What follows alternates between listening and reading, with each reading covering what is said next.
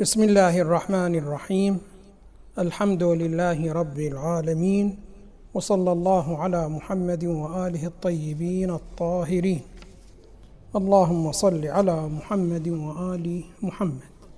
السؤال الذي نريد أن نتعامل معه هذه الليلة يقول ما هو الدور الحسيني في إحياء القيم وكيف نفعله؟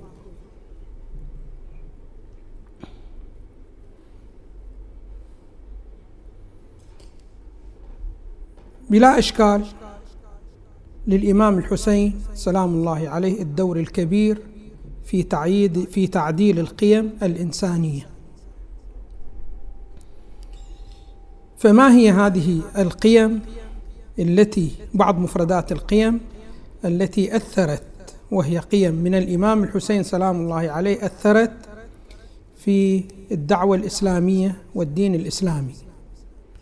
وإذا كان هناك فعالية أو قيمة من القيم الأخلاقية أو قيمة من القيم العقائدية فكيف نفعلها في الدين الإسلامي ونحن في هذه الأيام؟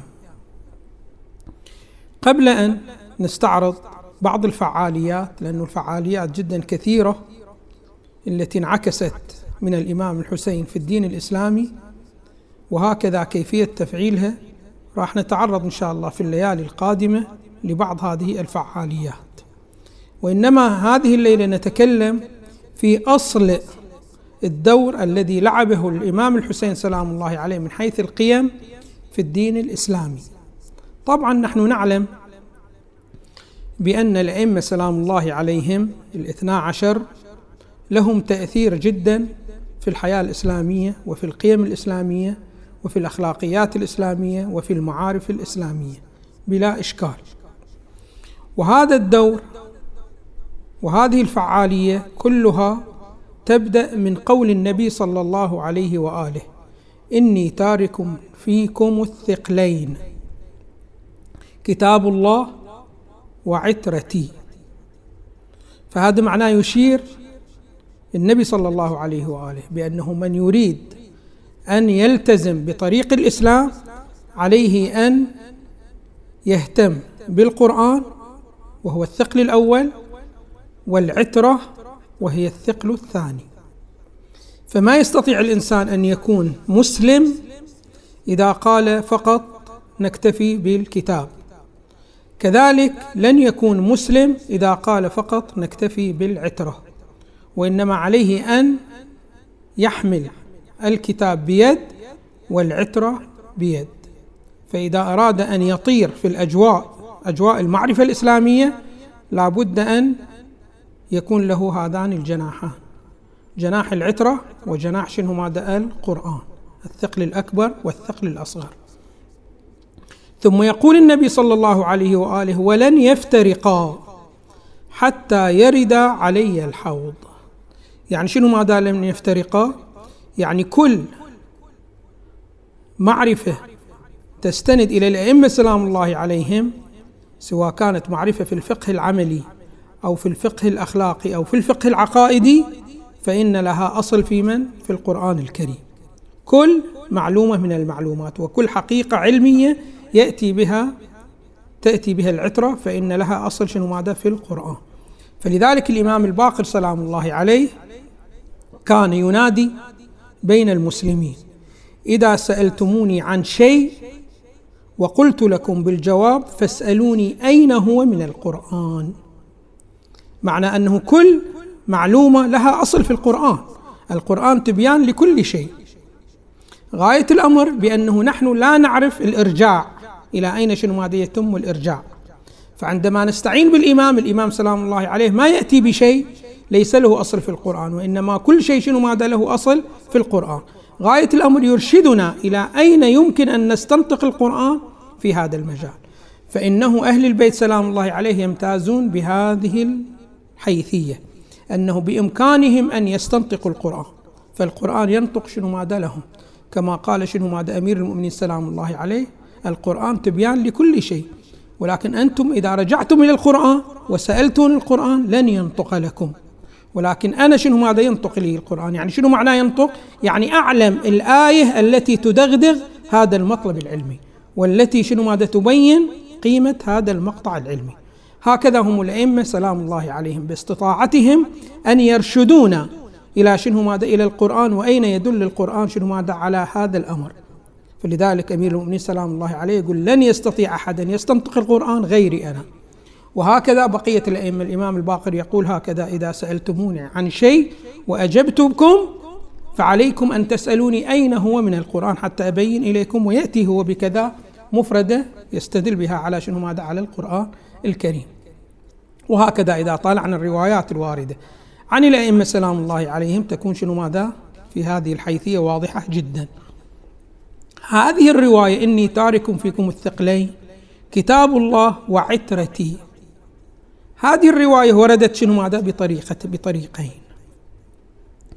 بعض الرواة لم يقل شنو هذا كتاب الله وعترتي وإنما قال كتاب الله وسنتي.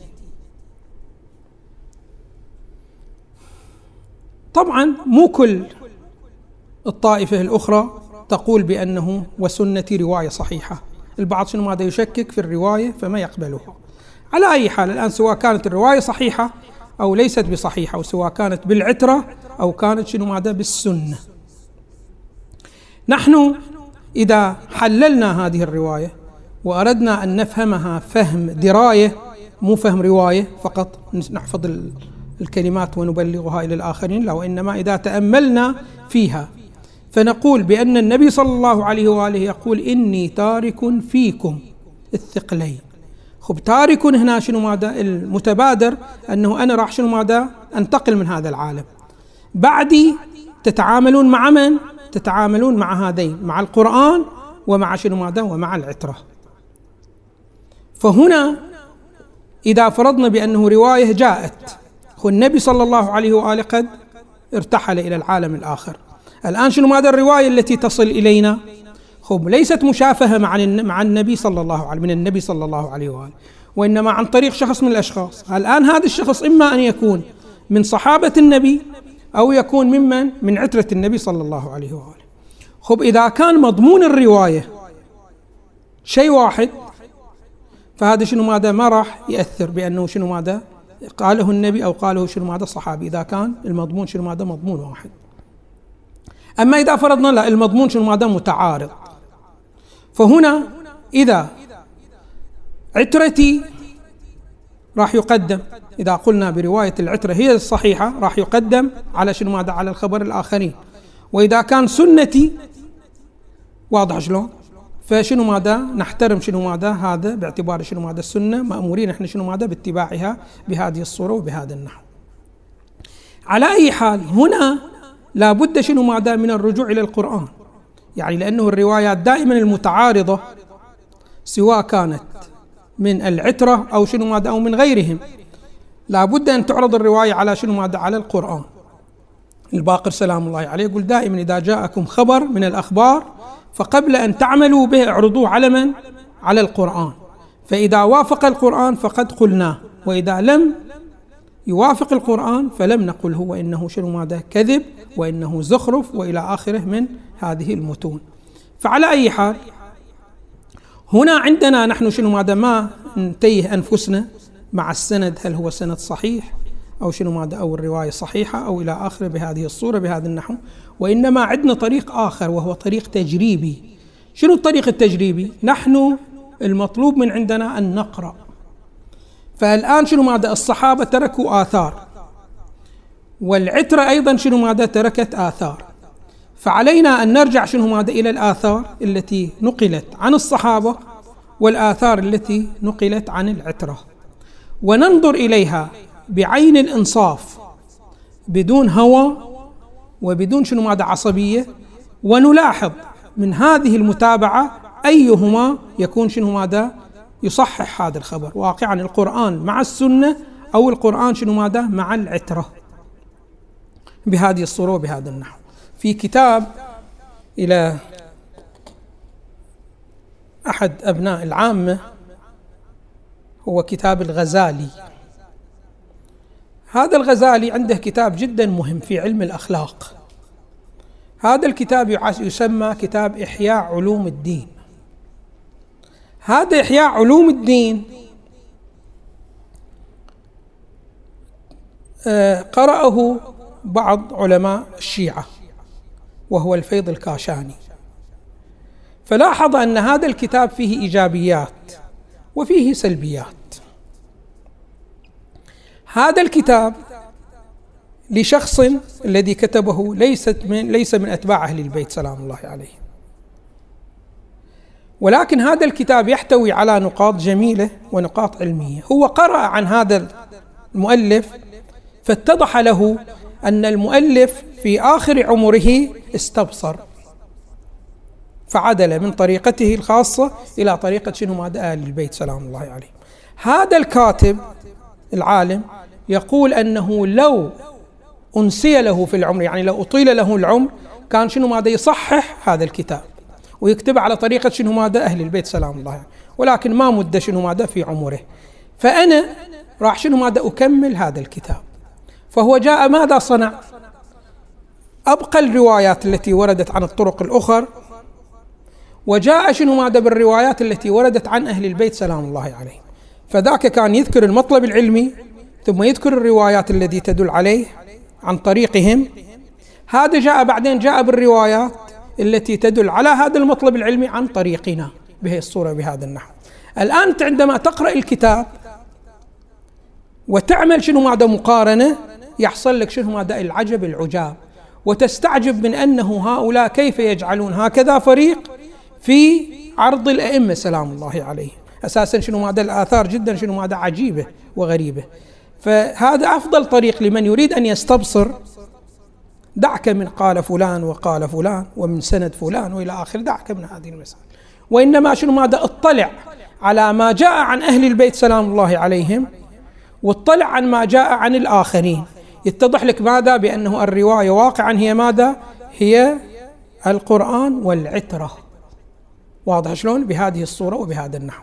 إذا من هنا شنو ماذا يتضح بصورة جدا جلية؟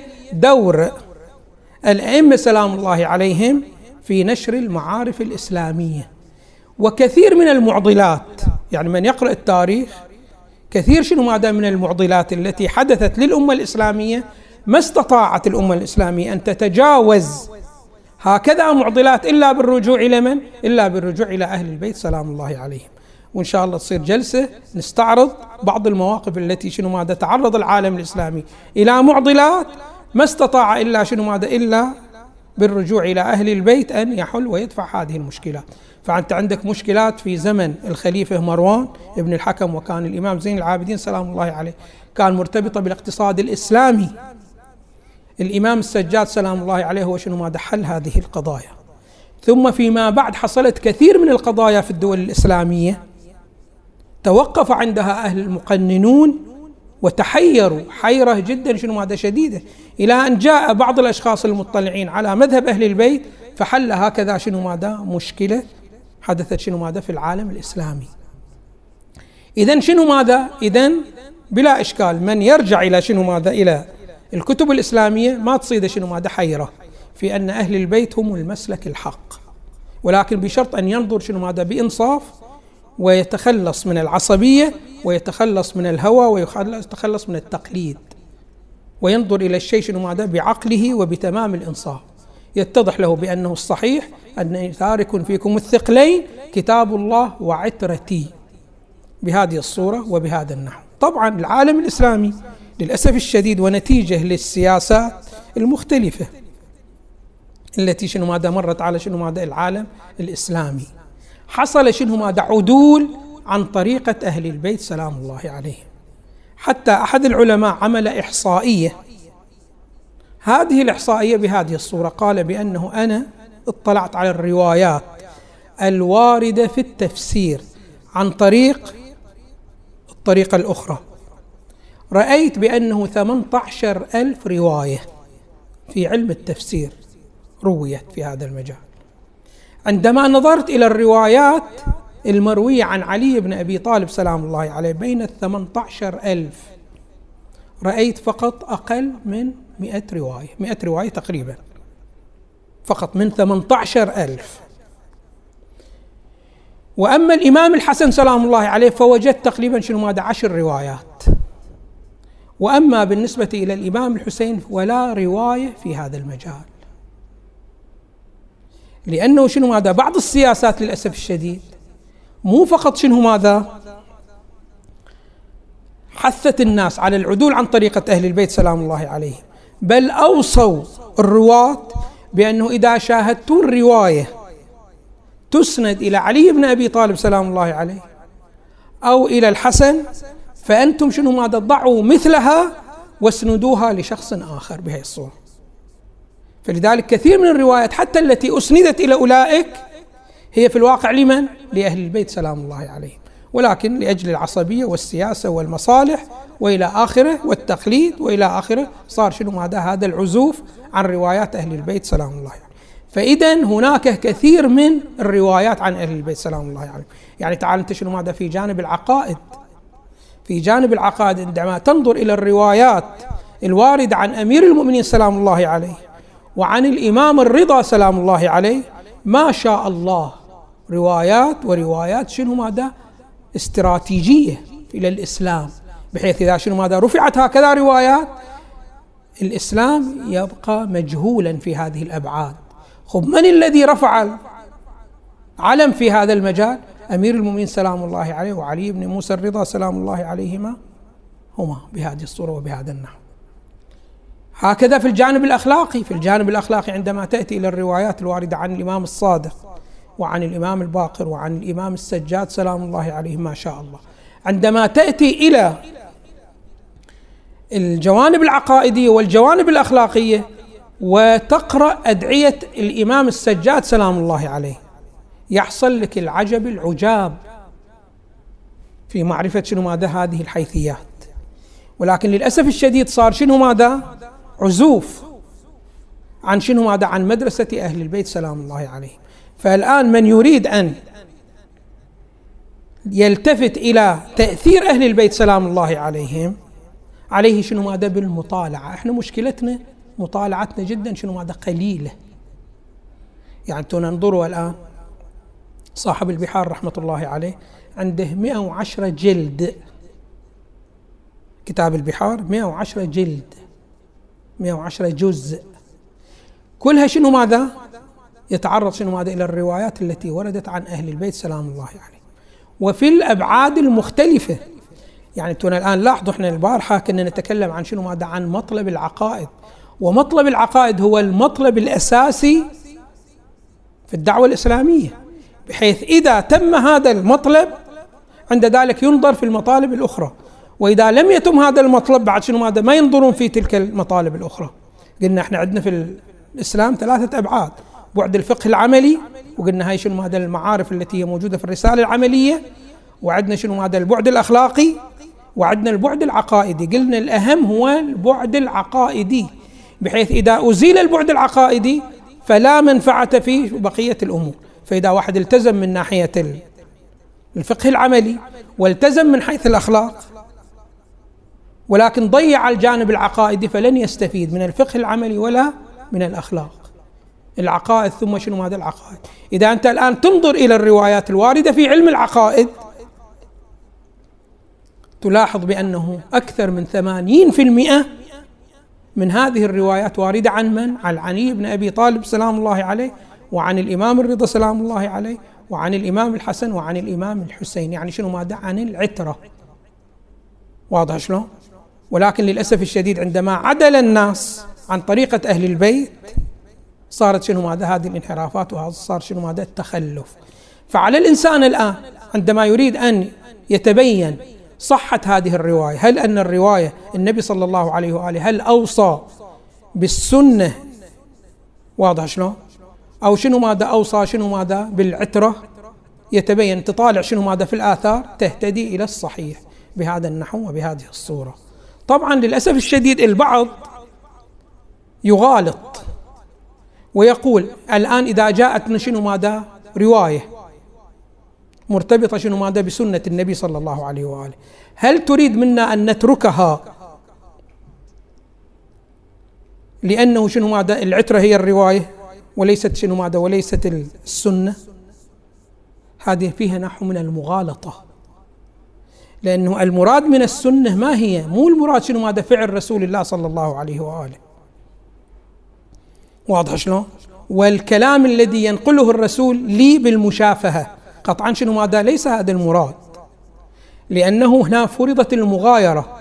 قال إني تارك فيكم عنصرين الكتاب والعترة. ففي شنو؟ ماذا أمرين اثنين. أما لو كان النبي صلى الله عليه وآله هو الموجود وفي زمانه هو يكلمنا ويقول افعلوا كذا وافعلوا كذا. فهذا شنو؟ ماذا من القرآن. هذا ما في مغايرة عن القرآن. واضح شلون؟ والقرآن يقول ما جاءكم الرسول فخذوه وما نهاكم فانتهوا عنه. فهو جزء من القرآن ما في مغايرة. إنما شنو؟ ماذا المغايرة هي عبارة عن الروايات. التي ما تذكر عن طريق أهل البيت سلام الله عليه. فالمراد بالسنة مو فعل رسول الله. هم الذين يقولون بأنه أني تارك فيكم الثقلين. القرآن وسنتي مو المراد فعل رسول الله. أو شنو ماذا كلام رسول الله بالمشافهة؟ لا. وإنما المراد شنو ماذا؟ الذين نقلوا. هذه الآثار فيما بعده فيما بعدهم. فهؤلاء شنو ماذا؟ هي السنة. فإذا هنا نقل لك أثر. عن الأصحاب هذا شنو ماذا يعتبر السنة؟ في عداله الرواية المنقولة شنو ماذا؟ عن العترة. خب لماذا؟ لماذا شنو ماذا؟ العترة؟ رأيهم مقبول في هذا الأمر؟ وما نقل عن الآخرين شنو ماذا؟ معروض معرض عنه والى آخر بهذه الصورة. أولا نحن ما نقول بأنه كل المعلومات وكل المعارف المنقولة عن غير العترة نرفضها لا. وإنما شنو ماذا ننظر إليها؟ إذا وافقت الكتاب فنأخذها. فنأخذها لأنها موافقة للكتاب. مو لأنه قالها شنو ماذا فلان وفلان. لا وإنما لموافقتها للكتاب. ونحن نأخذ شنو هذا بالكتاب؟ هو الأصل. العترة نأخذ. إذا ثبت أن هذا القول قولهم لماذا؟ لأن النبي صلى الله عليه وآله شهد لهم بالعصمة. شهد لهم بالعصمة. فلذلك شنو ماذا نأخذ؟ شنو ماذا أقوالهم؟ كيف شهد لهم بالعصمه قال عليكم بالقرآن والعترة فإنهم لن يفترقا. يعني شنو ماذا لن يفترقا؟ يعني لن تأتي العترة بمعلومة القرآن يرفضها. هذا معناه أنهم معصومون أم لا؟ هذا معناه بأنه شنو معناه؟ أنهم معصومون. ولم يصدر النبي عنه هذه الكلمة بأنه عليكم بالقران والسنة ثم قال ولن يفترقا حتى يرد عليه الحوض لأنه هذا معناه أنه شنو ماذا يشهد؟ بشنو ماذا؟ بعصمة السنة الذين ينقلون رواياته وهو شنو ماذا؟ لم يشهد بذلك لأنه حتى أهل السنة ما يقولون بأنهم معصومون من ينقل الروايات. نعم إحنا نقول شنو ماذا؟ بأن الأئمة سلام الله عليهم معصومون لأجل هذه الرواية الصحيحة وتعبير النبي صلى الله عليه وآله الدقيق جدا. بين القرآن وبين العترة لا يمكن أن توجد شنو ماذا؟ فرقة وافتراق إلى يوم القيامة حتى يرد علي الحوض. فهذا معناه تسجيل بالعصمة إلى من؟ إلى الأئمة سلام الله عليهم. ولكن للأسف الشديد هذا إحنا أضعناه من بين أيدينا. كيف أضعنا إحنا أولا شنو ماذا؟ الاهتمام عندنا. الاهتمام جدا شنو ماذا؟ ضعيف. الاهتمام سواء كان للقرآن أو شنو ماذا؟ أو للعترة. كلاهما شنو ماذا اهتمام شنو ماذا ضعيف. أما شنو ماذا القرآن فيمكن اهتمينا بعض الاهتمام على مستوى التفسير. وإن كان ذاك الاهتمام على مستوى التفسير أيضا مو الاهتمام الذي يطلبه تطلبه شنو ماذا يطلبه الدين الإسلامي. فإن الدين الإسلامي يطلب الاهتمام شنو ماذا بالقرآن في أي حيثية؟ القرآن إذا سجل عليك اعتقد مفردة من المفردات عليك أن تعتقد بهذه المفردة وتلتفت إليها. وإذا حثك على سلوك عملي عليك شنو ماذا؟ أن تلتفت إلى هذا السلوك العملي وتعمل به.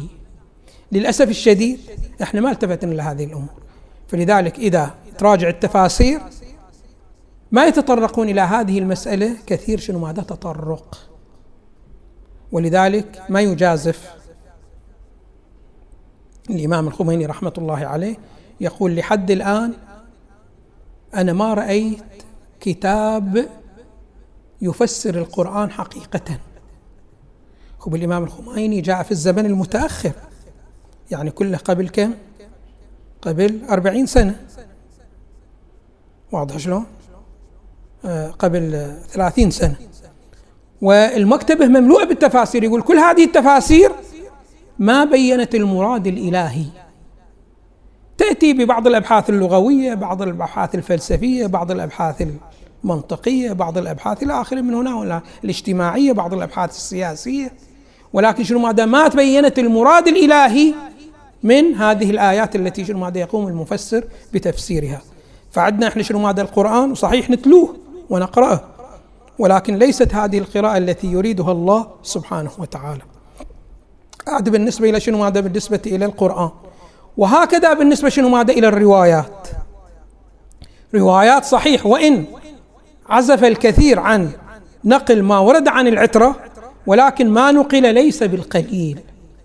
ولكن المشكلة العظمى أنه شنو؟ ماذا تعرض لهكذا روايات شنو؟ ماذا ما موجود.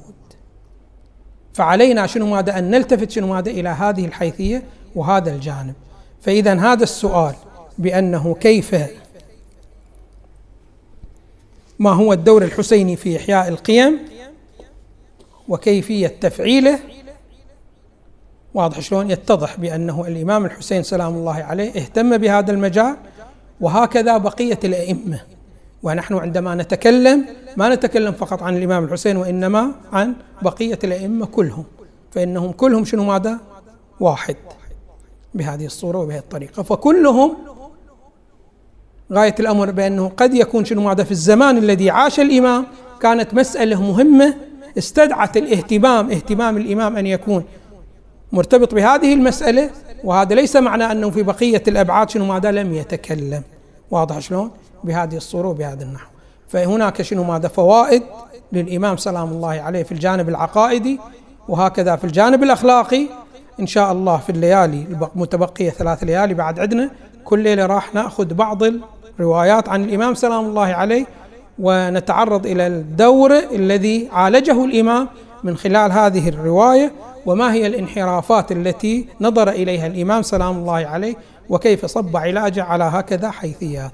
إن شاء الله في الليالي القادمة. والحمد لله رب العالمين وصلى الله على محمد وآله الطيبين الطاهرين. Allah.